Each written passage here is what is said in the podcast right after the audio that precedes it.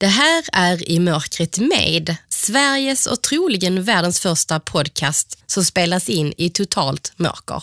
Stort tack till vår samarbetspartner Svensk skrivtolkning som gör det möjligt för fler att ta del av I mörkret med genom att texta våra avsnitt.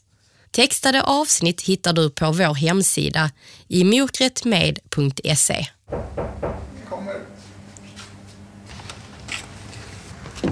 Halloj! Hej! Hej, välkommen! Tack så mycket. Hej. Rickard Hellström heter jag. Hej, Ulf Jag heter jag. träffa Anna. Ja, det ska du göra. Stig på. Tack. Du, eh, får gärna hänga av det och om du har någon, någon grej som du lyser om så är inte det så bra att ta in den. Som en telefon eller så, tänker jag. Det är stängt här uppe så den kan ligga kvar här uppe va? Ja, här uppe, det är, det är bara Janne som är här. Och han är pålitlig. Ja, han är pålitlig och en, en hund också som bevak- bevakar dina ytterkläder. Har du varit på någon sån här ställe förut? Nej. Nej, inga svartklubbar för dig. Svartklubbar i andra betydelser Ja, har jag varit på. jag förstår. Men eh, det är ju också en slags ljusskygg verksamhet. Det är riktigt. Men inte så mycket svartklubbar nu för tiden. 80-talet var det, Mm. skulle jag säga. Idag är man så gammal så att man vill gå och lägga sig när det börjar bli mörkt. Ja. Du får säga när du känner att du börjar bli klar och gå in. Jag är klar. Bra. Nej, men här har vi kanske inte så mycket matforskning. Men vi har släktforskning. Okej. Vi har släckt lampan.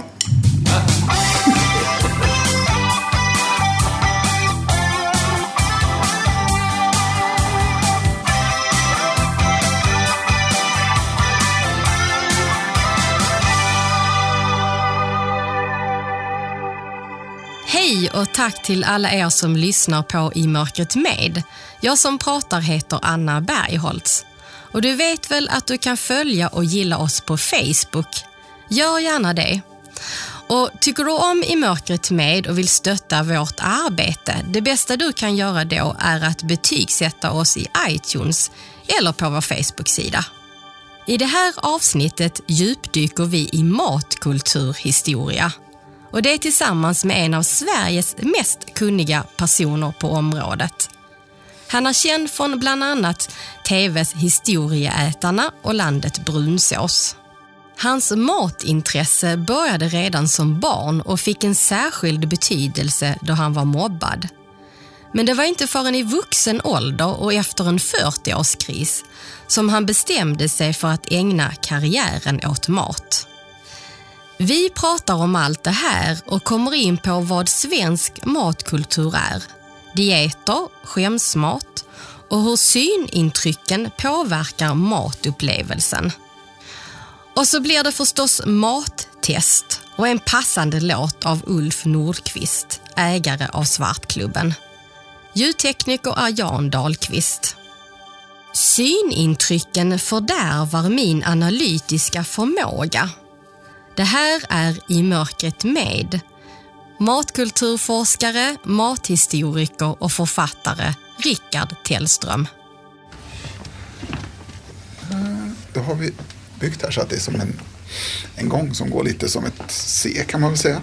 Okej. För att vi ska stänga ut ljuset utan att behöva stänga några dörrar. Ja, just det. Och här kommer vi in i själva matsalen. Okej. Så. Ja, här har vi en ljudförändring. Visst är det ganska vackert? Ja. Plötsligt blir det ju det att golv och sånt blir ju väldigt viktigt. Ja. Alltså de saker som man kan iaktta. Nu börjar vi närma oss Anna här borta. Okej. Ska vi se om vi styr in mot det här bordet här. Hej Rickard! Hejsan Anna. Hej. Välkommen! Tack så mycket. En stolsrygg där. En stol. Tack så mycket. Då måste man undersöka vad det är en dyna på. Ja, det är verkligen svart här. Ja, det, det är ju så. Så, där var en mikrofon. Exakt.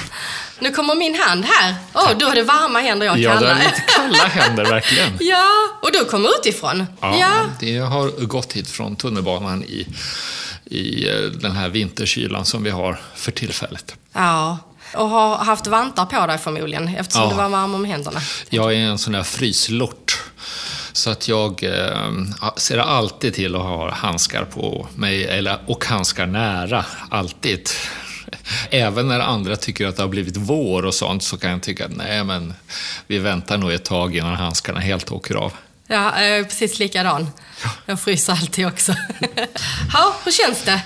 Eh, roligt att vara här. Eh, ser fram emot eh, dina frågor. Och eh, intressant att vara i så här komplett mörker. Jag bor ju ute på landsbygden utanför Uppsala. Så att eh, det är ju så här mörkt liksom på, på natten när man försöker orientera sig och ta sig till badrum och annat. Eh, men eh, jag skulle nog säga att det är, det är nog tätare mörker som jag upplever nu än vad jag gör när man är i mitt hus, så att säga, även fast det är mitt i natten. Det är helt uppenbart att det finns ett slags ströljus från stjärnor, måne och kanske gatlyktor väldigt långt borta som ändå ger en slags grådager. Men eh, här är... Ja, det är så mörkt så jag kan inte avgöra liksom, några avstånd eller någonting. Plötsligt blir ju, och det är också intressant att eh, känsel blir ju förstås eh, jätteviktigt, men eh, ljud också. Ja. För att ja, orientera storlek och ja, få någon slags information mm. av, av de sinnen man har. Får du någon känsla av hur stort det är här inne? Det här rummet, ja, det känns som att det skulle kunna kanske vara någonstans sådär 80-100 kvadrat. Eh, lite svårt att säga, men eh, eh sådär kanske en 9 gånger 9 meter eller 10 gånger 10 eller någonting sånt. Fråga Ulf. Är det så Ulf? Jag vet inte. Det är inte helt tokigt gissat. Det, det, det ligger någonstans lite under där, 75 någonstans. 75, men när du säger 80 så är det extremt nära. Ja, men Rickard, berätta vem du är. Ja, jag är numera matkulturforskare Eh, mathistoriker och ägnar mig åt att på olika sätt försöka förstå varför vi människor lägger så mycket tid på vårt ätande och varför det är så viktigt att skapa maträtter, kombinationer och sen också kanske det som är mest intressant, det är varför vi tröttnar på det som vi då har skapat. Alltså vårt behov av nyheter i relation till vår nästan konstanta uttråkning. Eh, och jag är ju etnolog i min grundutbildning så att jag kommer ju från det antropologiska hållet. Så eh, mitt perspektiv på ätande och mat blir liksom hur vi skapar eh, ja, kulturella gemenskaper genom olika slags maträtter och eh, matkulturella kombinationer. När skulle du säga att du trivs som fisken i vattnet? Eh, det är eh, när jag får svåra matkulturella frågor att försöka lösa. Eh, att försöka hitta historiska ursprung på saker och ting. Att försöka förstå varför det som verkar så uppenbart faktiskt inte är det. När fick du senast en sån fråga som du fick grotta ner dig Ja, jag fick faktiskt en fråga här bara för någon två veckor sedan och det var om kokosens eh, betydelse i svensk matkultur och kokosens roll i eh, vårt matlagande. Intressant fråga som jag aldrig hade tänkt på. Liksom, det är ju sånt där livsmedel som ja, man kan bortse ifrån. Men, men när frågan då ställs, ja men då måste man ju gå till botten med det och försöka utreda vad det är för någonting och eh, försöka kunna hitta Dels när den har kommit in i vår matkultur och dels varför. Varför just då, när den kom. Vad kom du fram till då? Ja, men alltså kokosen har eh, en... Den hänger ihop med industrialismens... Eh, det är det sena 1800-talet, eller kanske egentligen tidiga 1900-talet. Och då kommer eh, kokos och olja, kokosfett. Det är det som vi äter när vi gör ischoklad till julbordet. Eh, men också den rivna kokosen. De här kokostopparna som vi ibland kan äta på konditori eller om vi gör hemma är en datering på ungefär 1920-talet. Men sen kommer då kokosmjölken som vi använder i thailändskt orienterad mat. Som jag senast använde igår när ja, jag lagade mat. Ja. Och då kan man datera det till 1980-tal. Eh, och sen så är det ju lite spännande med kokosen och det är att den uppfattas som hälsosam idag. Det finns mycket kokosflingor och kokosbitar i müsli och liknande. Och så glömmer man då bort att eh, det här är ju ett mättat fett, så att det är ungefär som att ha smör på maten. Så det är inte så bra? Nej, åtminstone inte att överdosera. Allt när det gäller matlagning och sånt, hur man ska äta och sånt, så kan man alltid tänka att det är en dosfråga. Eh, det är ingen fara att äta eh, vitt socker, men man kan inte leva på vitt socker. Det är ingen fara att dricka sprit heller, men man kan inte bara dricka sprit.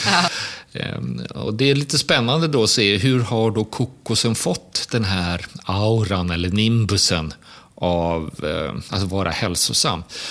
Och där tror jag att det spelar just roll att vi förknippar den med paradiset, alltså ja. kokosnötens söderhavskoppling och att det som kommer från paradiset och det som är vegetabiliskt, det kan per definition inte vara ont, utan det måste vara bra och gott. Ja. Men ehm, så är det ju inte då.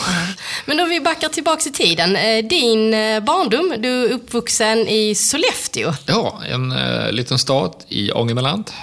Jag föddes på regementet i staden, eller ett av stadens regementen, i 21. Eh, min pappa var militärmusiker. Vad innebär det att vara militärmusiker?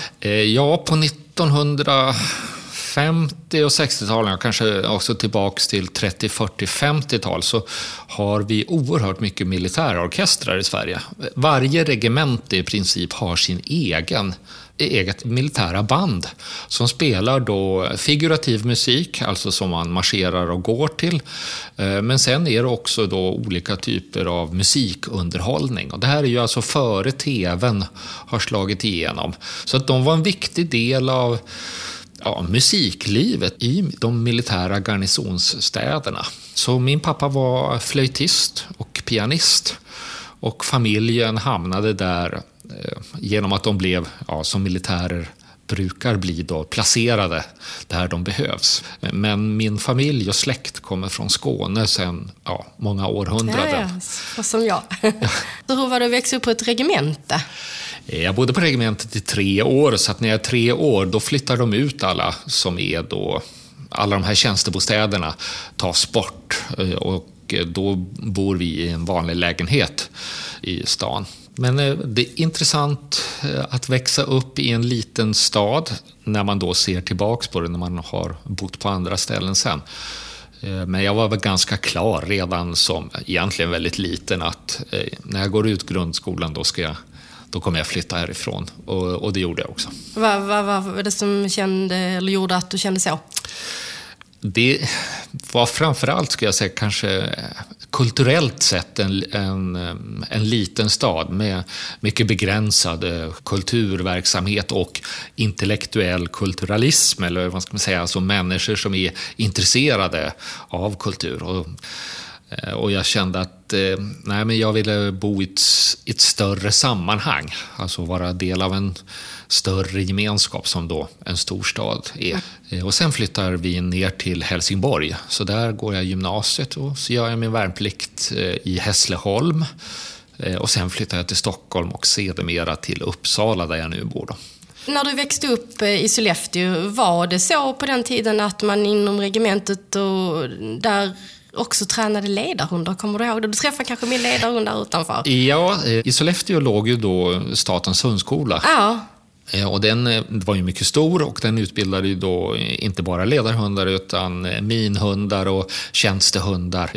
Jag bodde bara ett stenkast från järnvägsstationen.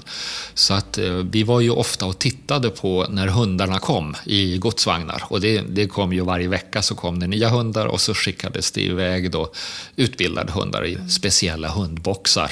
Jag själv har inte varit på hundskolan annat än på studiebesök. Men det var en viktig verksamhet i staden.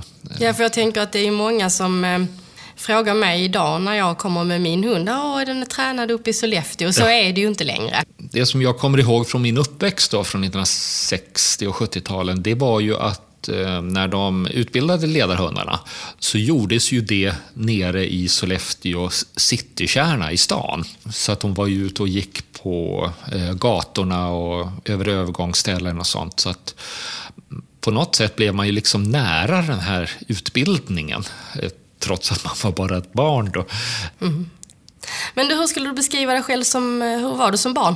Jag tror nog att jag tillhör de kanske lite mer eh, tillbakadragna barnen. jag var ganska mobbad i skolan. Eh, så att eh, det kanske också bidrog till min känsla av att vilja flytta därifrån ja. så fort jag bara kunde. Vad var du mobbad för? Ja, det är svårt att veta. Alltså, det är ju mobbarna som bestämmer vem de behöver för att alltså, få sin livsluft och bli av med sina demoner. Mm. Att, att slippa fightas med, med det som stressar dem så kanaliserar man det utanför. Eh, men jag kan nog tänka mig att ehm, ja, min intellektualism, mitt kulturintresse ehm, att mina föräldrar var skilda var väldigt konstigt i Sollefteå. Det är ju ovanligt då också Ja, det kanske. var ja. väldigt konstigt. Och, ja, vad ska man säga, det gjorde familjen till konstig i staden och lite hotfull. Ja. Eh, min mamma, i och med att hon var då, jag växte ju alltså upp då med mamma och jag har två syskon. Eh, I och med att mamma då eh, inte var gift så var hon ju farlig för andra män i staden. För hon kunde ju då vara förförerskan och den som kunde locka då och förstöra de stabila familjerna. Mm. Så att jag kan ju tänka mig att den här mobbningen som då mina klasskamrater och skolkamrater då utförde, den kanske inte hade hittats på nödvändigtvis av dem själva, utan den kom kanske hemma från köksbordet.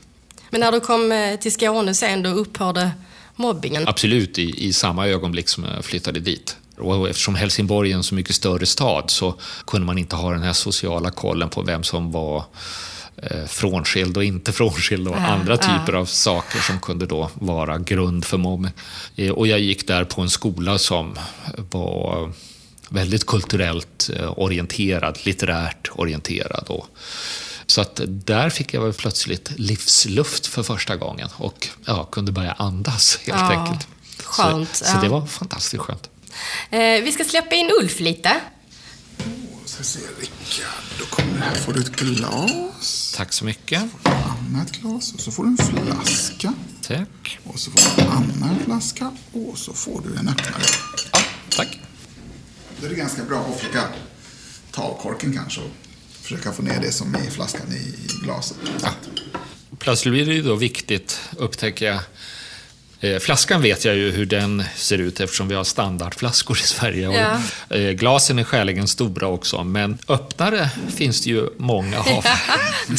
Så det gäller att komma på vad det är för en öppnare. Ja, där, där lät det bra i alla fall. Där lät det bra. Mm. Det är lite lurigt för ibland svänger folk på den så att eh, man öppnar med handtaget. Ja, jag förstår. Det känns likadant. Det lät bra när du hällde. Ja, då, ja. absolut. Det ja. känns som att det mesta är i glaset också. Jag tänkte, här kommer det nu två skålar också. Okej, okay. tack så mycket. Resande för dig. Ja. Vi får se om du kanske ska undersöka dem. De står de ja. framför dig. Därför. Tack. Då ska jag instruera dig lite här, Rickard. Ja. Vi brukar ju låta våra gäster testa något ätbart. Ja. Nu har du två skålar där ja. Eh, och det är två olika saker. Eh, och du ska få testa och se om du kan gissa vad det här är för någonting. Och jag kan ge dig en ledtråd som så mycket att de här eh, smakbitarna ja. eh, ska eh, smaka som klassiska glassar. Okej. Okay. Och det är inslagna i papper där. Nu känner jag, och nu mm. har vi dem. Mm. mm. Okej. Okay. Ja. Och då öppnar jag. Mm. Det känns som en sån där liten godisförpackning med rivremsa nästan. Så. Hittar du rivremsan där? Ja, ja. Så. Det känns, tror jag ändå, va? även om man inte ser det va? Ja, absolut. Mm. Känns som ett chokladhölje, eller åtminstone ett fetthölje. Det skulle ju kunna vara eh, yoghurt eller någonting annat, men ett litet fetthölje. Är det speciellt papper för att behålla fettet eller? Eh, ja, framförallt att förhindra att det härsknar. Mm. Eh, för det är ju det som fett alltid utsätts för då av luften.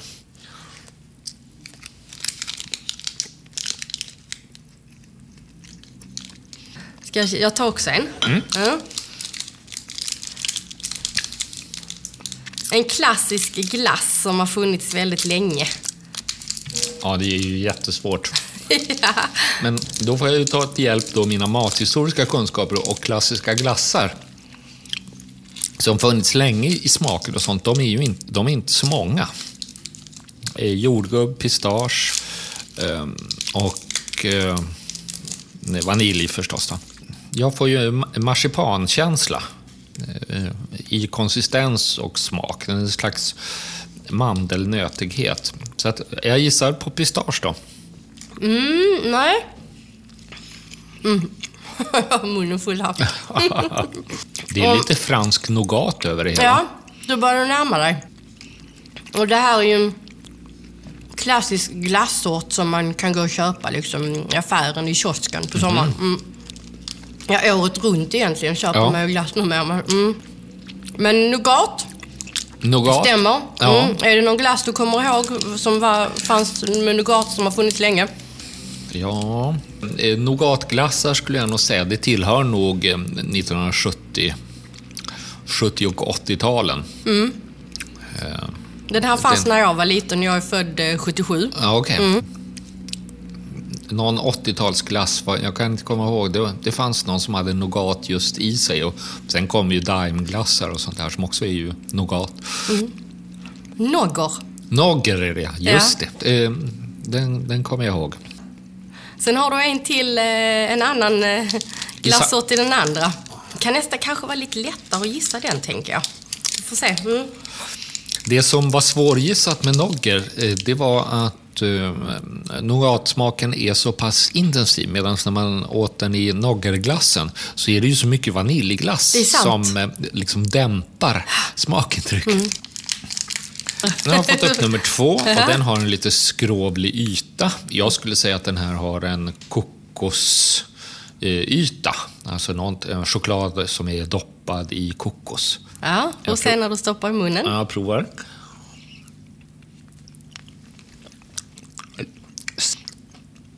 Ja du. Var det kokos då? Den är ju väldigt seg i sin, lite kolaaktig i, i konsistensen. Ja, skulle kunna vara. Det är jättesvårt att avgöra. Sötman blir ju väldigt påtaglig i båda de här eh, proven. Eh, och, och jag kan känna hur jag störs i, min, i mitt smakande av att det är så sött. Ah, Jag skulle vilja ta bort eh, en betydande del av sockret i den här produkten för att kunna ja, svara på din fråga, vad är det här för någonting? ja. Nej, jag går nog bet på det. Lite lakritssmak är det ju, kan jag tycka i det. ja, intressant. Men det är också en klassisk gammal glass. Ja, lite Bounty-känsla får jag också. Alltså det här med, med kokosen och... Jag tror inte att det är kokos. Eh, eh, för det är en... Strössel på kanske? Ja! Det är väl mer åt det hållet, va? Mm. Eh, ska jag säga? Ja, gärna. Ja, en eh, 88. Det är ju min favorit. Ja. Men kan Ja. du känna igen det då när du får reda på det? Nej, den här sötman, den överraskar mig. Att den är så oerhört påtaglig och hur den stör. Jag har ju jobbat med att ta fram smakord på potatis. Och det var ett verkligen sådär pilotprojekt eftersom syftet var då att helt enkelt svara på grundfrågan. Smakar potatis någonting förutom att det smakar potatis? Och då hade vi just den här frågan när vi satte igång. Ska vi äta potatis som har kokts i saltat vatten eller inte saltat vatten, osaltat vatten? Eh, och då gjorde vi en provning av eh, King Edward-potatis och Binche-potatis, alltså en mjölig potatissort och en fast sort. Och så kokte vi den ena med mycket salt eh, och den andra utan salt. Och där blev det ju då så att vi, alltså att det som händer då när man kokar med salt, eh, det är att man saltar bort smak. Så du känner inte eh, potatisens, eh, ja, de olika smakerna i potatis. Det störs bort av sältan. Och det är samma här nu med sockret, det, är- blir för mycket. Ja, det är för mycket socker här Ja. nu. Jag vet inte om det är något sådär som du reflekterar över, som är mer van att inte se den mat som du äter. Att du kan, att du kan störas i smakupplevelsen på, av för mycket salt, för mycket socker. Jag eh, har inte alls mycket socker på min, eller salt på min mat vet jag i alla fall. Nej. Jag tycker att många gånger när mina vänner ska ha extra salt så har inte jag det. Men det, är också, det, det har hänt intressanta saker eh, med mat. Jag vet att jag eh, pluggade journalistik för många år sedan på en folkhögskola och vi skulle äta lunch allihopa. Eh, och det var morotssoppa till lunch. Eh, och jag tyckte att den där soppan var fantastiskt god. Eh, Eh, och mina klasskamrater, de bara tittar på mig så... Alltså Anna, du måste vara glad att du inte ser det där. Äh. För då hade du nog inte tyckt att den var så god. Nej, okej. Det är intressant. Och det är ju det visuella också som är, ja, det är en väsentlig del av smakupplevelse. Mm. Färg på mat. Ja, då kan man ju undra vad hade hänt om vi alla liksom hade ätit den där soppan i totalt mörker istället? Ja, synintrycket eh, blir plötsligt då betydelselöst. Ja. Jag kan tänka mig att man, eh, alltså rent, om man ser hur sensorik fungerar och smakapparaten, så är ju det att till exempel röd mat då, uppfattas som mycket mer god och mycket mer läcker än mat som är brun. Eh, Trots att det, är samma typ av mat. Man kan göra försök med eh, apelsinjuice och så kan man tillsätta mm, rött färgämne i den då gula apelsinjuicen eh, och säga då att det, det är blodapelsinjuice. Och då kan försökspersonerna känna verkligen att det är blodapelsin, trots att det enda som har skett är att man har tillsett rött färgämne. Men de tycker att det smakar blodapelsin. Jag skulle säga att färg är en smakgivare också. Och jag läste också att eh, om man har en buffé till exempel så ska man ha många olika färger på maten där och då äter folk mer. Ja, det, eh, så är det. Och är maten brun så äter man mindre. Och så äter vi mycket brunsås väl fortfarande i det här landet, eller? Jag skulle tro att den är mindre viktig idag. Eh, åtminstone bland den yngre generationen därför att brunsåsen är så intimt eh, förknippad med eh, potatisrätt, alltså att man äter köttsås och potatis. Och i takt med att potatisätandet har sjunkit så misstänker jag att också eh, brunsåsätandet har minskat. Jag vet inte om man fortfarande kan köpa eh, brunt färgämne i butiken för att eh, ha i såsen. Det fanns åtminstone ja, för tio år sedan. Jag vet inte om det finns fortfarande. Jag tror att, eh, jag vet att min mamma för något år sedan, för jag tyckte ju att eh, jag kunde göra såsen utan den där, men det tyckte hon så äckligt ut. Ja, just det. Så då var hon ju tvungen att hälla i det där. Ja, och det är bara sockerkulör då. Så det är ingen smakgivande soja eller någonting sånt. Ögat är ett bedrägligt eh, lurendrejeriorgan. Det, det ska man vara klar över. Eh, hur började ditt intresse för mat? Jag har nog alltid varit matintresserad. Jag eh, lagade mat redan som eh, femåring. Mamma var inte förtjust när jag gick upp klockan fyra på morgonen och kokte gröt och sånt där och höll på i köket. Ja, du och, gjorde det? Ja. och satte på spisen och sånt. Nej, mamma gillade inte det.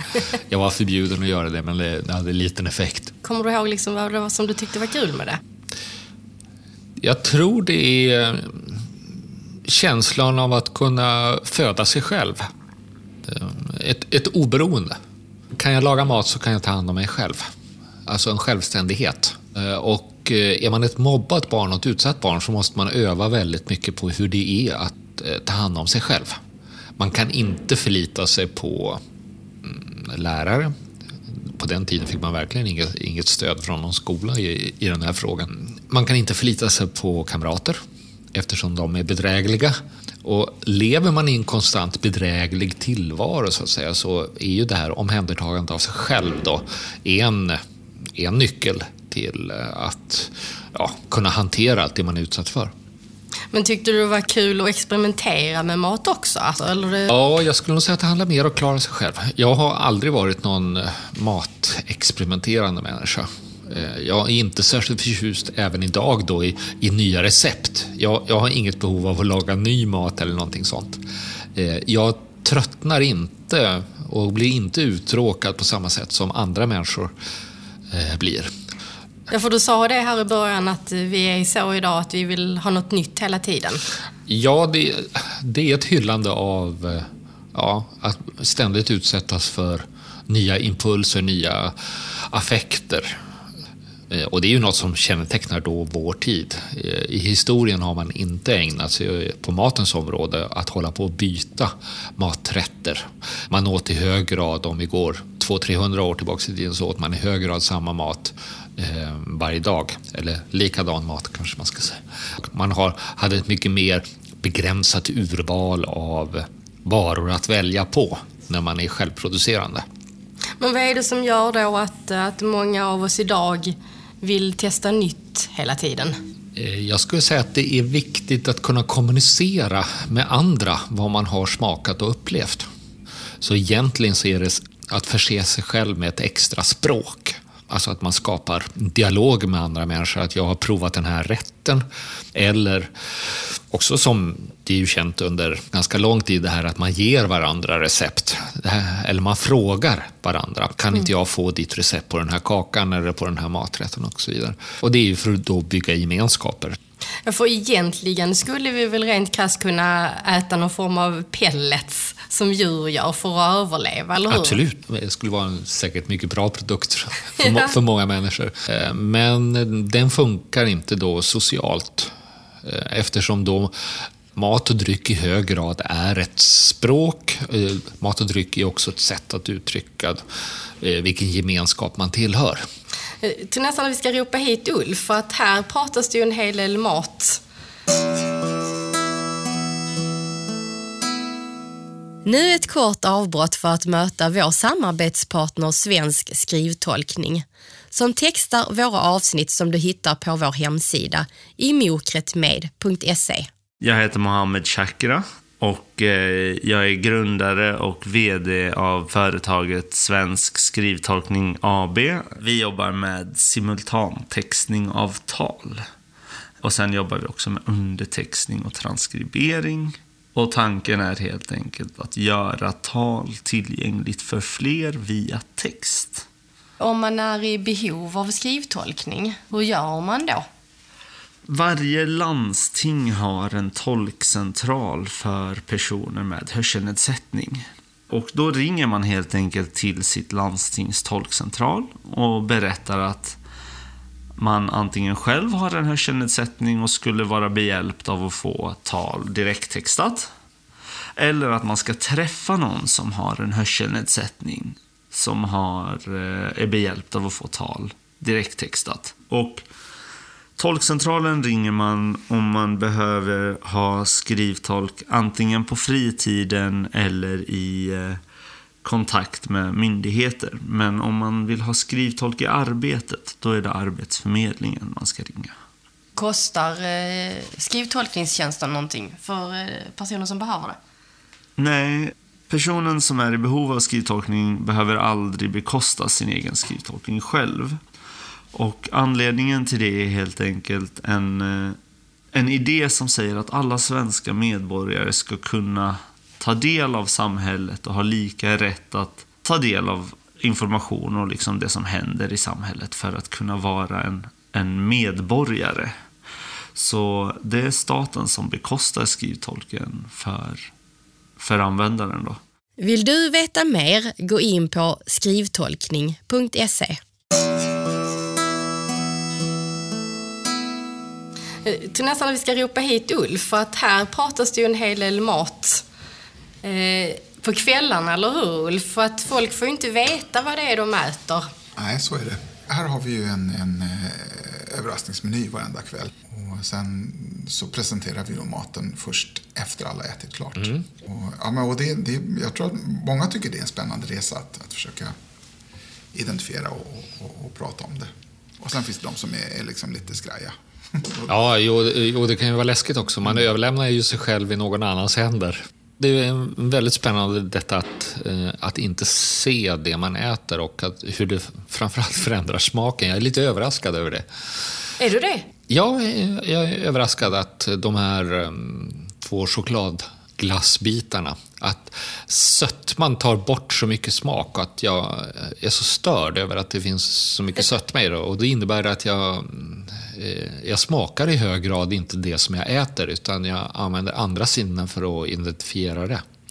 Och det är, det är lite intressant att, att jag gör det och jag har faktiskt aldrig tänkt på det. Men det, det blir väldigt tydligt nu att eh, mat eh, kan vara översöt fast man inte tror att den är det. Eh, tror du att det hade varit mindre sött om du hade sett dem då? Eh, förmodligen, jag tror det. Därför att då hade jag bestämt mig i förväg att det här är nu en 88-glass som kommer. Ja. Och då vet jag hur en 88-glass smakar. Eh, det är känt när det gäller demenspatienter Eh, och att man förlorar ehm, smakkänsligheten eh, till följd av sjukdomen. Men att man kan rekonstruera smakminnet om man serverar maten på samma sätt som den såg ut när man fick sitt smakminne. Så kan man alltså minnas smaken som man objektivt inte känner. Det här är väldigt intressant också för det, det är ju många som beskriver att de, de tycker att det smakar mer i mörkret. Ehm, men sen är det också en betydande mängd folk som tycker precis tvärtom, precis det du säger här. Att, att just de är vana att använda ögonen till att smaka och, ja. och så plötsligt när inte det finns så blir de någon slags förvirrade över att, att inte kunna se. Nej, just det. Alltså ögat är ju ett väldigt potent organ och det, det samlar ju in enorma mängder information. Så att eh, givetvis är det då väldigt väsentligt för oss. Eh, och tar man då bort det sinnet och så ska man framförallt då som otränad kompensera då med andra sinnen, då, eh, då blir det plötsligt påtagligt vad synen gör för eh, ja, upplevelsen av mat och dryck. Och det är mycket lärorikt kan jag säga. Mm. Det är väldigt intressant.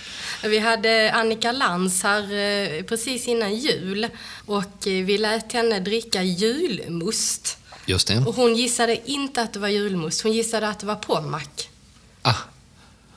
Och både du och jag, Ulf, vi blev ganska förvånade över det. Men hon var spot on vad det gällde, eh, hon satte ju liksom kakorna som ingenting. Det gjorde hon verkligen, hon kunde sina kakor. Mm. Jag kan förstå att julmust skulle kunna gå som pommac och jag kan gissa att det är det stora kolsyreinnehållet. För julmust har nämligen väldigt mycket kolsyra i sig.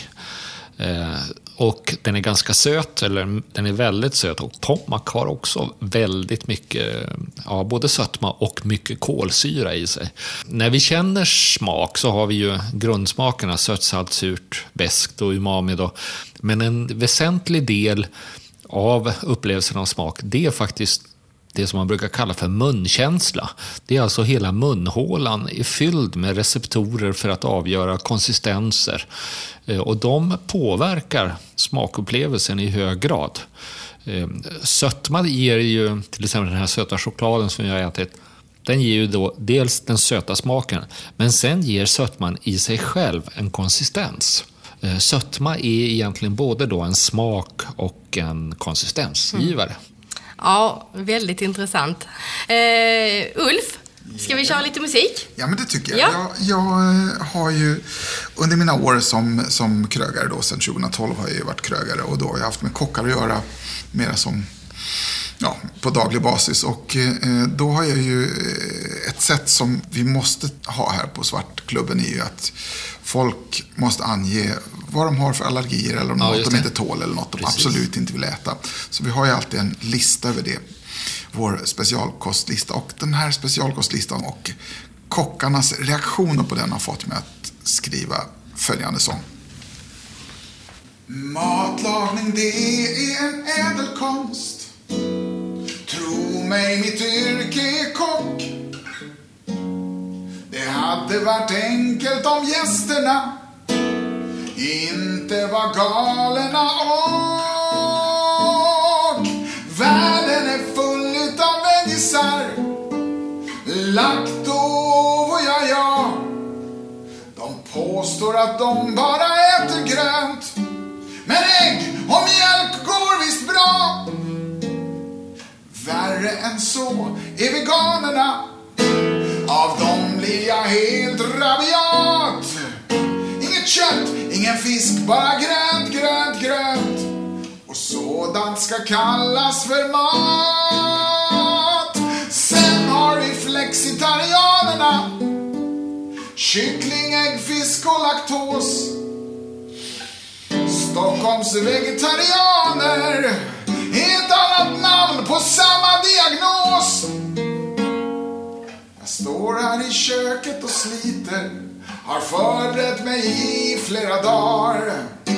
En lista med all specialkost och inget, just inget blir kvar.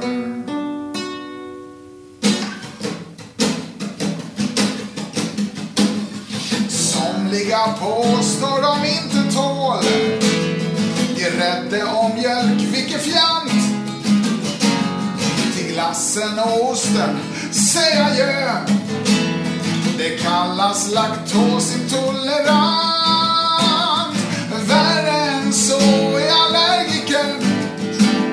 Det är något slags fel på kemin. Olja ska ersätta allting gott.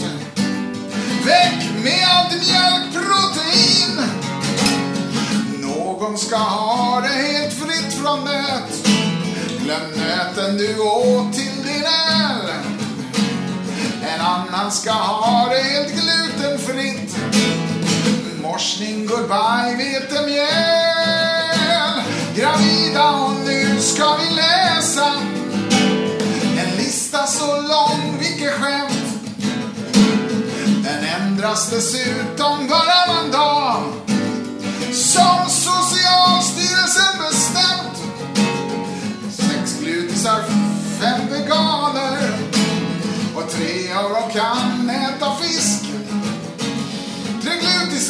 två laktosisar. Och en är hyperallergisk.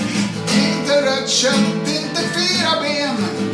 LCHFGI och 5-2.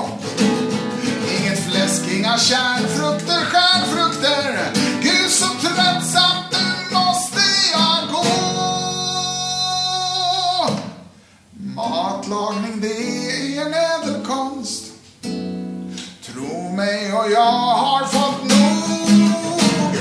Nu tänker jag resa någon annanstans och aldrig mer jobba på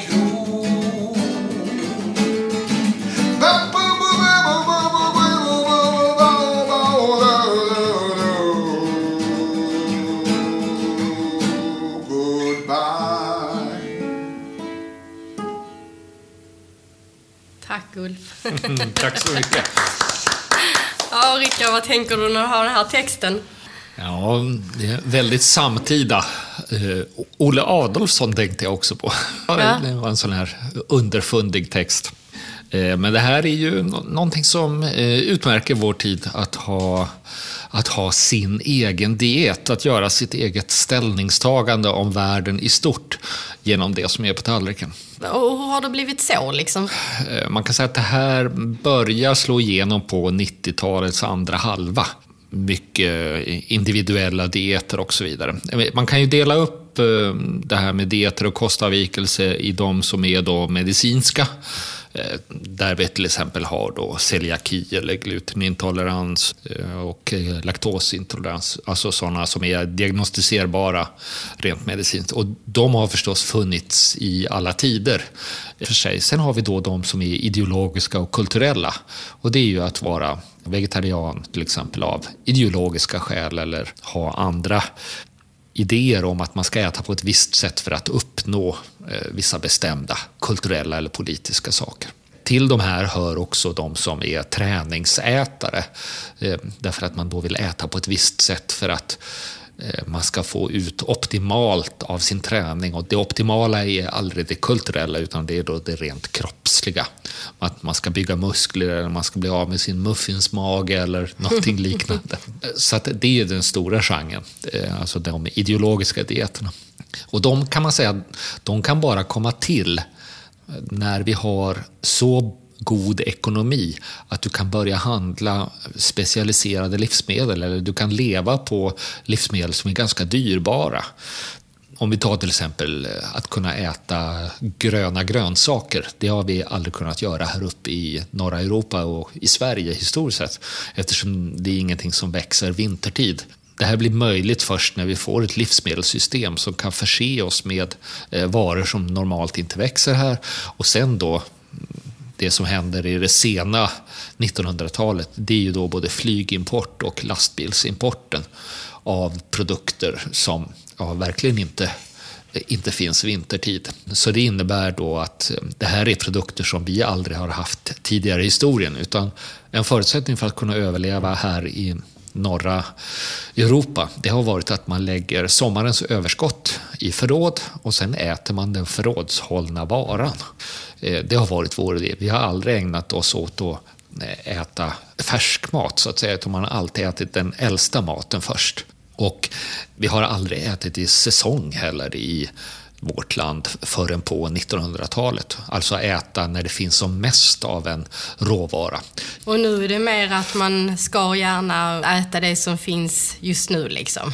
Just det, och det beror ju på att vi behöver aldrig oroa oss för om det finns mat nästa vecka. För vi, vi vet det kommer mera, så att vi behöver inte bry oss om det. Jag gör lite studier och frågar eh, människor ibland eh, i olika sammanhang. Och då kan man se det att människor som är under 45 år, de har mycket dieter och kostavvikelser. Medan de som är äldre, de har det inte. Och skälet är just detta att de som är äldre, de är uppväxta under de ganska knappa omständigheterna som var i 1900-talets mitt. Så att de har inte idén om att säga nej till mat. Medan de yngre är uppväxta under överflödet. Och det gäller framförallt så kommer det stora överflödet, det kommer 1995 när vi går med i Europeiska unionen, för då faller matpriserna med nästan 50 procent. Man kan säga att de dieter som vi har igång idag, de beror på att maten har aldrig kostat så lite som den gör idag. Då. Men om vi backar tillbaks till, ditt liv igen tänkte jag. Eh, när du var 40 år gammal så förändrades ju ditt liv. För tills dess så hade du ju gjort något helt annat. Jobbat ja, med att skriva politiska medieanalyser. Ja, arbetade som eh, analytiker på olika konsultföretag och analyserade svensk inrikespolitik och jobbade framför allt med eh, livsmedelspolitik och försvarspolitik. Eh, så det höll jag på med från att jag var dryga 20 till jag var 40.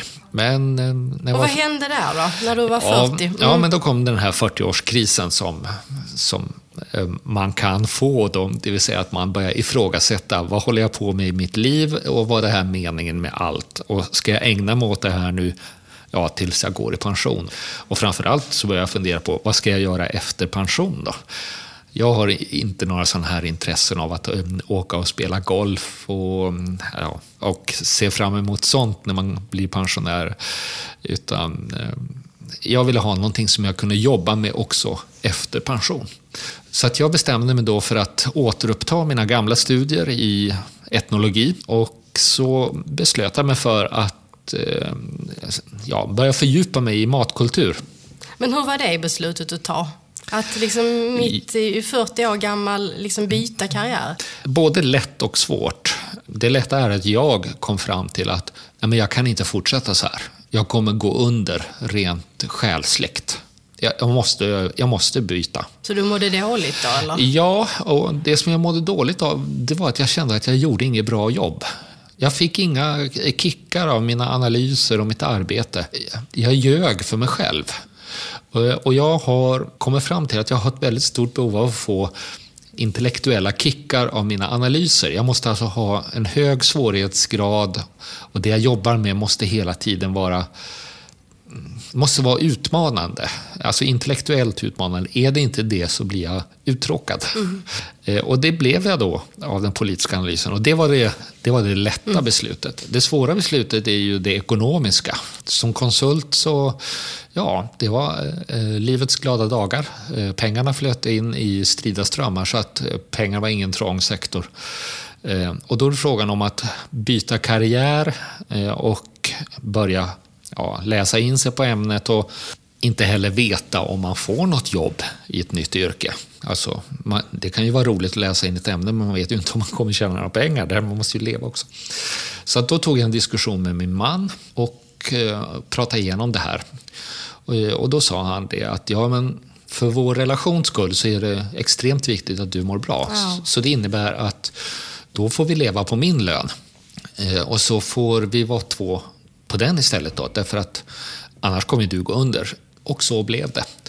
Så att eh, med hans ekonomiska välsignelse så bytte jag då karriär och gjorde klar mina grundstudier och min magister i etnologi. Och sen så hade jag då turen, och det får man verkligen beskriva då som tur, att jag blev industridoktorand och finansierades av Lantbrukarnas riksförbund och disputerade sen i ämnet måltidskunskap. Men för din del har det då varit liksom eh, måltids, alltså kulturen som har, du har forskat kring framförallt? Ja, det är idéerna bakom vårt ätande och hur vi skapar gemenskaper med, med mat och dryck. Var det liksom självklart att det var det du ville ge dig in på det när du bytte karriär? Eh, ja, det var det. Det var lite oklart först hur jag skulle göra det. Men så hade jag turen då att få en, eh, en industridoktorandtjänst. Och det var eh, rena turen och flaxen. Och man måste ha lite sånt också. Då svängde min karriär. Och eh, också då få en karriär som skulle kunna hålla ända fram till pension. Eh, men också bortom pension. Därför att jag vill kunna vara en tänkande människa ända in i kaklet. Ja. Ja, och det har ju gått fantastiskt bra för dig, tänker jag. Men du har ju fått göra, kan jag tänka mig, mycket sånt som du kanske ens, inte ens hade kunnat drömma om. Jag tänker historieätarna, alltså Ja, det är landet Brunsås, alla, ja, Du har ju blivit känd också för svenska folket för att du eh, forskar och, och pratar och kan de här frågorna. Jo, eh, och det, det är nästa tursamma steg som, som inte vad ska man säga, jag själv har hittat på eller framkallat så där direkt. Utan jag har haft turen att möta människor som är ja, intresserade av vad jag kan bidra med. Jag hade turen då att Lotta Lundgren eh, ringde mig för, ja det är nu tio år sedan. Och eh, vårt första samtal varade i två timmar. Och då pratade vi om matkultur och människors ätande och vad det var för någonting. Och det var det som sen blev grunden för vårt första tv-samarbete med landet Brunsås. Och en viktig katalysator i det här arbetet är förstås då producenten Karin af Klintberg som har en sällsynt förmåga eh, som är alldeles fantastisk att eh, locka fram det bästa ur alla människor som ingår i hennes team. Och, och som också har en vana vid att se vad man kan göra med folkbildning eh, och göra det tillgängligt och mm, vad ska man säga, berörande. Ja, verkligen. Ja. Och eh, arbetar också med eh, skrattet eh, och humorn. Men jag tänker det var ju så väldigt nytt grepp också, liksom att äta sig igenom historien. Ja, det, det hade aldrig gjorts tidigare i, i Sverige. Eh, Dock bygger då den svenska serien Historieätarna, den bygger på en brittisk förlaga. Det är en serie som heter Super Sizers Go. Så att vi gjorde då en svensk variant på detta, med, men med en, en liten egen twist. Men det, det blev mer framgångsrikt eh, än vad vi hade trott. Varför blev det så framgångsrikt då, tror du? Jag tror det är det stora matintresset som finns. Eh, Det finns också ett stort eh, historiskt intresse. Vi tycker om, vi människor, att titta på när andra människor gör saker. Alltså, det är ett sätt att bli en del av gemenskaper. Hur har det varit då att eh, liksom gå tillbaks och, och forska då när det gäller måltider tillbaks i tiden? Ja, det är jättesvårt. Och anledningen till att det är jättesvårt det är att vi inte har några universitet i Sverige som sysslar med matkulturhistoria. Så det finns helt enkelt ofta inte någonting att ta reda på. Hur har ni gjort då? Ja, man kan säga ett skäl till att vi inte gjorde något program före 1500 det är helt enkelt att det finns ingen historisk fakta att bygga på. Eh, utan vi började då eh, på 1500-talets början och eh, jag har ju haft, eh, när jag gjort den här researchen och eh, jobbat fram eh, det vi kan ta upp och så vidare, haft väldigt god användning av att jag hade jobbat som politisk researcher i 15 år innan. Eh, van vid att leta information där den eventuellt kan finnas och att prova ja, vägar som man inte har tänkt på. Till exempel vad då? Alltså, Ja, ja men det här med kokos till exempel. För det är ju ingen som har skrivit något arbete i Sverige om kokos. Nej. Nej, då måste du jobba i databaser. Alltså tidningsdatabaser framför allt. Då. Så det innebär att eh, digitaliseringen av arkiv och sånt där hjälper väldigt mycket.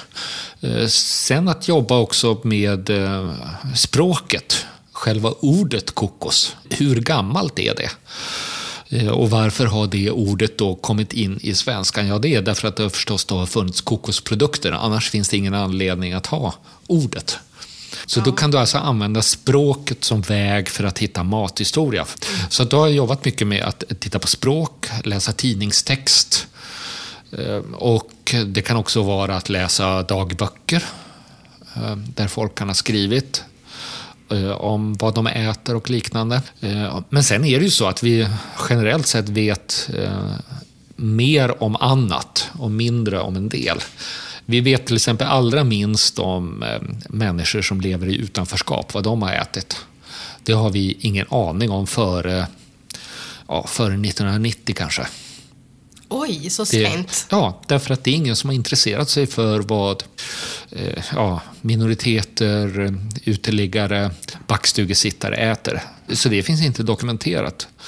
Medan vi vet ganska väl vad eh, ja, medelklass äter på 1900-talet. Det är dokumenterat i undersökningar, de har svarat på enkäter.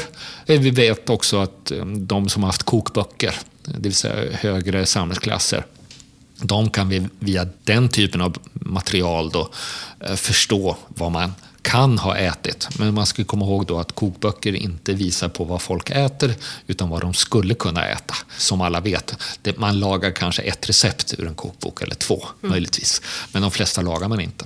Så att kokböcker är en källa till maträtter men inte till matvanor. Så det här gör då att man får kombinera källor för att söka sig tillbaka. Och... Men eh, jag, jag tänker om man tittar lite på eh, dagens måltider. Eh, så frukost, lunch och middag. Alltså, kan du säga någonting om hur det har sett ut över tid?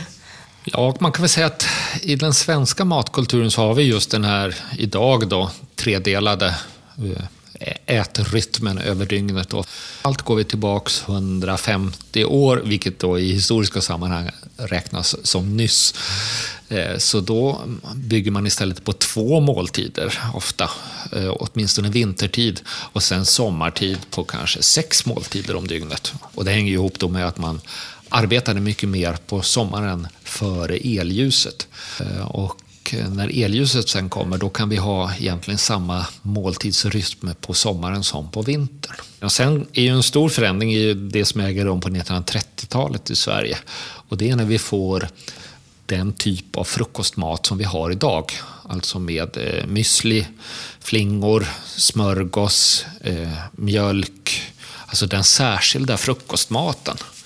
Generellt sett har man ätit samma mat till frukost som man äter till lunch som man äter till middag. Och som man gör i, i många länder tycker och jag. Som man, som, som, man slås av när man är ute och reser i världen. Ja, precis. Ja. Och det som händer då, det är att vi på 1900, ja det börjar lite tidigare, på global nivå, 1910-20-tal redan, så är det att vi börjar få industriella frukostlivsmedel. Frukostflingorna, cornflakes är kanske de första som kommer. Eh, och då börjar också propagandan för att man ska äta frukost. Och de är drivna framförallt då av livsmedelsindustrin. Eh, så att eh, om man till exempel hävdar att frukosten är dagens viktigaste ja, måltid. Ja, det har man ju alltid. Ja, men det är en reklamslogan från Kellogg's som gör cornflakes. Den har verkligen satt sig. Ja, för när du är ute och föreläser så är det ju inte så många i publiken som faktiskt äter frukost, Nej, jag, jag, jag brukar ställa frågan eh, ibland till mina föreläsargrupper eh, hur många det är som tycker att frukosten är dagens viktigaste måltid. Och då räcker alla upp handen. Alla tycker att det är viktigaste målet på dagen. Ja, sen brukar jag vrida på frågan och fråga hur många av er själva äter frukost? Ja, men då är det kanske bara 70 procent som äter frukost själva. 30 procent eller 20 procent tycker direkt illa om att äta frukost. Jag är ju 41 nu själv. Eh, jag minns ju liksom tillbaka när tacosen kom. Just det. Som är ju mm. fredagsmysmat idag. Ja. Det var ju väldigt nytt då när jag var liten. Eh, och jag tänker vi har fått väldigt mycket influenser från andra länder. Det är ju mycket asiatisk mat, sushi, svensk matkultur. Vad är det idag skulle du säga? Ja, eh, jag håller faktiskt på med en studie nu och tittar på mat på flyktingboenden. Och då kan det ibland uppstå eh, matklagomål. Inte för att man är otacksam, och, utan för att man tycker att maten är konstig, man har svårt att äta den. Och då ger det för mig en unik möjlighet att få reda på vad är svensk mat? Eh, det här kan väl också gå in under vad ska man säga, avdelningen märkliga källor som man som researcher kan använda när man ska undersöka mm. svensk matkultur. Och det är de som tycker att svensk matkultur är konstig. Och då kan man se att vi i Sverige äter väldigt sött bröd. Det är svensk matkultur. Eh, svensk matkultur är också att vi saltar väldigt mycket på maten. Svensk matkultur är också att vi har naken fisk. Är det panerat på andra ställen då? Eller? Precis. Ja. Och det hänger ihop då med att eh, vi har haft då politiska kostråd om att vi ska minska fettätandet mm. och paneringen suger upp eh, mycket fett och då ska man inte äta panerad fisk utan man ska äta naken fisk. Så naken fisk är ett kännetecken för svensk matkultur. Och sen har vi mycket dill. Eh, vi tycker om eh, framförallt grön dill i, i maten. Och sen också att vi äter en enda rätt i måltiden. Att måltiden inte bygger på tre, fyra rätter annat än till fest.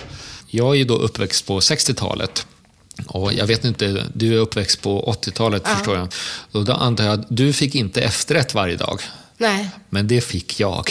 Ah. Och då kom jag ju ändå från knappa omständigheter. Ah. Vi hade efterrätt varje dag. Eh, och det var för att en svensk måltid var fram till 1970-talets andra halva tvådelad. Varmrätt och eh, efterrätt varje dag. Och efterrätterna var då inte några eh, märkvärdiga historier eller någonting sånt. Glass, det fick man kanske en gång om året eller någonting sånt. Utan det var oerhörda mängder kräm. Jag har ätit hur många olika slags kräm som helst. Och sen på 70-talet så kom ju då, då åtminstone i vår familj, de här första färdiga pulvren. Chokladpuddingspulver till exempel. Och det var ju fest när det kunde vara någonting sånt. Eh, men sen mm. då på 80 och 90-talen när du växer upp, så då är det borta. Eh, så det är också en stor förändring i vår matkultur där. Och det hänger ihop med då att man tycker att det är onödigt, det tar för lång tid. Och vi tillhör ju de folk i världen som sitter nästan kortast tid vid bordet, vid matbordet. Då. Ja, jag tänker idag ska det också gå så himla fort. Man, man köper en matkasse där mycket ska vara förberett helst också. Ja, precis. Men eh, man kan säga att maten förr kännetecknades av, den var betydligt enklare, men det var betydligt mer gemenskap vid bordet. Man, man satt längre.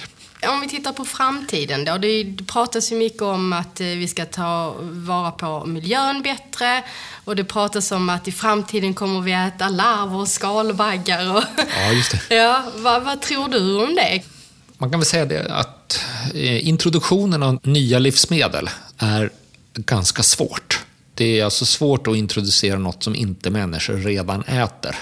Som till exempel larver och eh, Eh, ja, maskar och liknande. Eh, eftersom det då inte finns i vår matkultur. Eh, det som finns i vår matkultur är ju att äta köttprotein.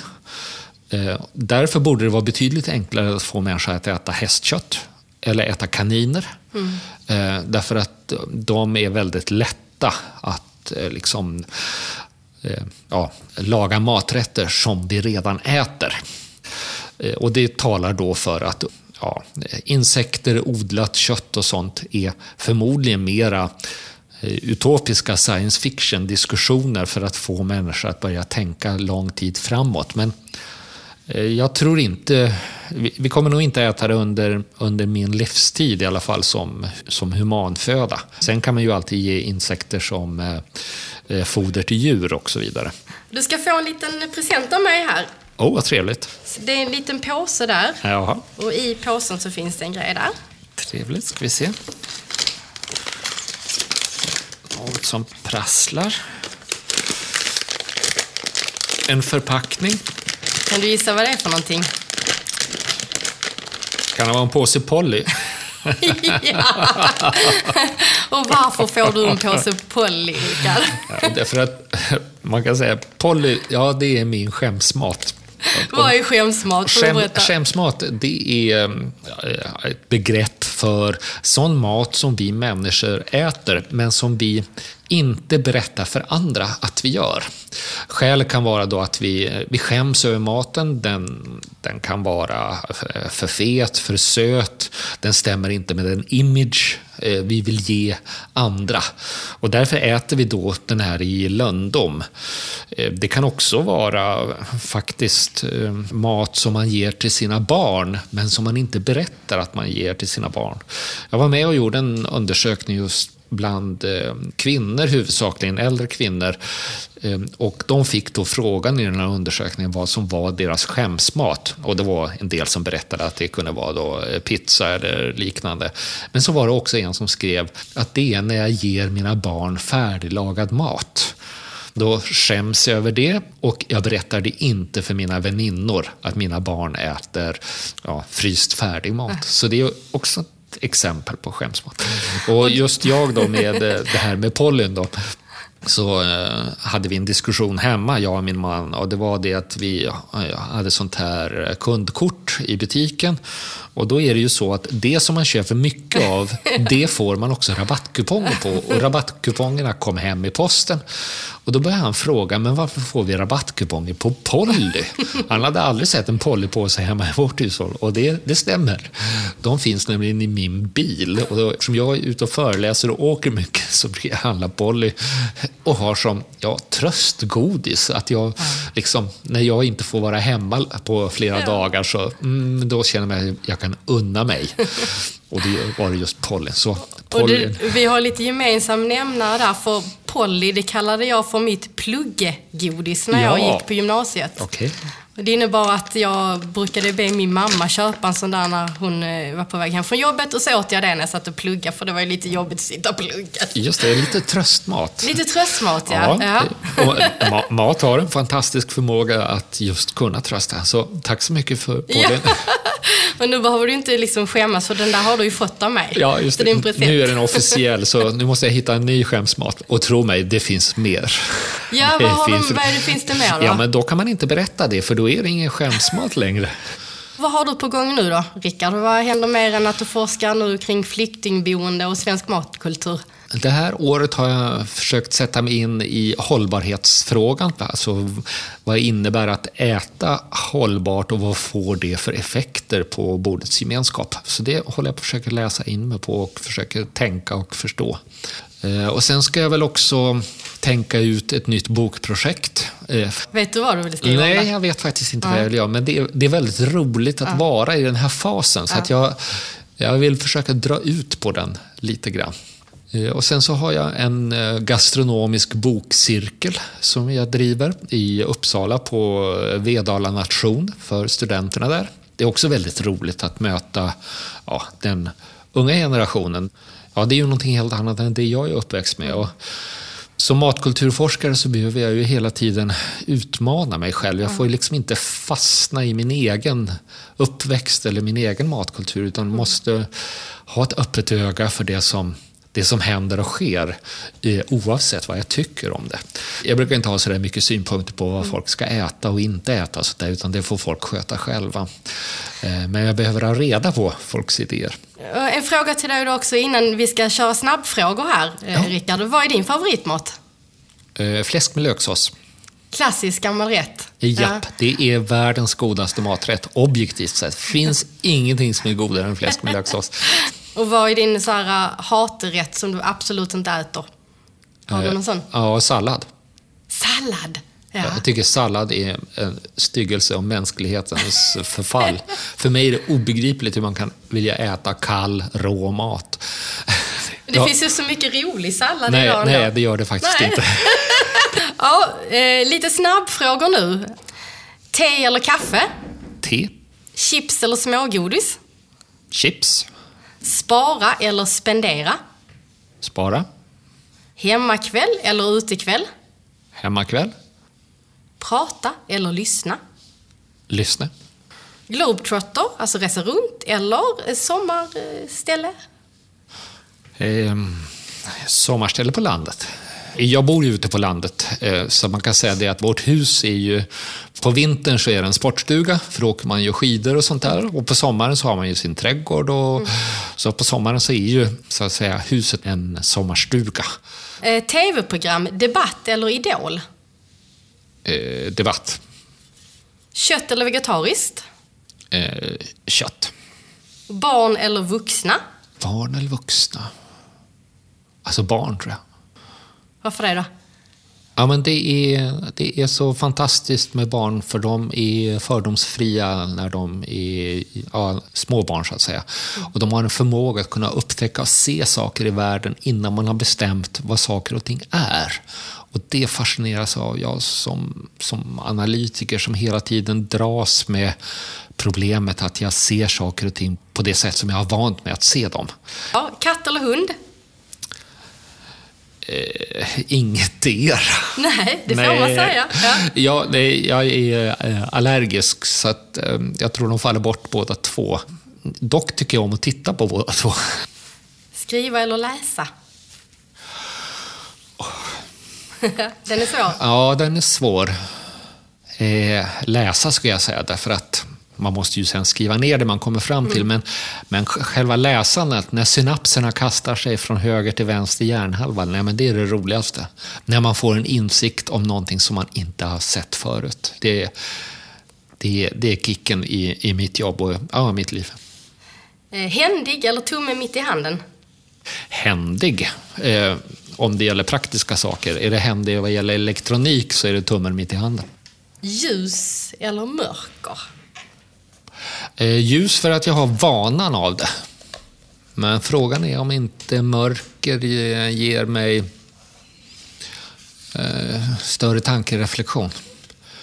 Ja, för Nu- nu har vi suttit här ju. Ja, nu har vi suttit här. Jag kan känna när jag svarar på dina frågor i den här intervjun så svarar jag på ett helt annat sätt. Inte ett helt annat sätt, men på ett påtagligt annat sätt än vad jag gör när jag har ljus och ser. Vad är skillnaden då?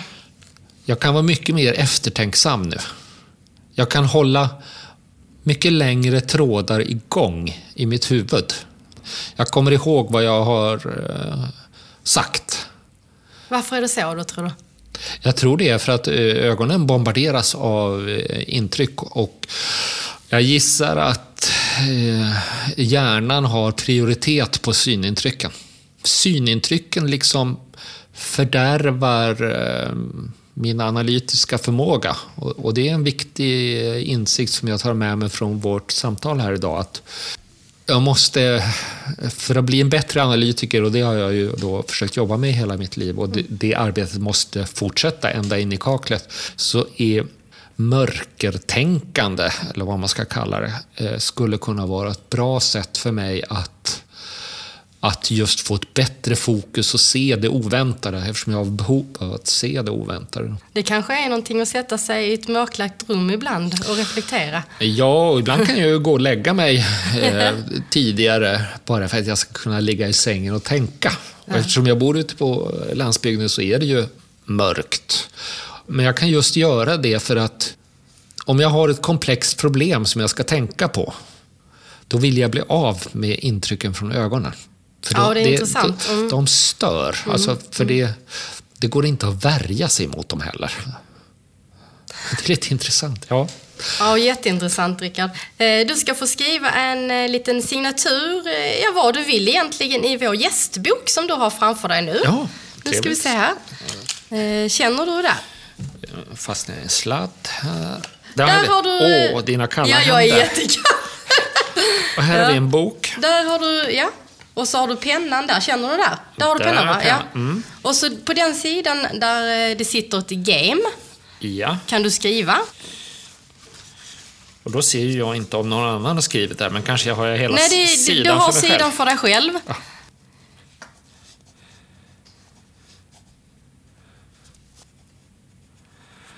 Jag skriver här. Vad skriver du då? Varmt tack för en mycket tankeväckande intervju. Och så ska jag skriva Rickard och Tellström. Tack. Tack snälla. Tack, tusen, tusen tack Rickard för att du kom hit. Tack för att jag jag har fick ju, komma. har ju jättemånga mer frågor men vi får prata vidare en annan gång. Eh, Ulf hjälper dig ut. Glöm inte din Polly. Nu ska jag komma ihåg min poly. ja. Tack för att du lyssnat. Och hör gärna av dig till oss. Det gör du på e-post hej snabela Och vi har också en Facebook-sida som du kan följa och gilla. Vår hemsida är imokretmed.se. Och vi hörs igen om fyra veckor.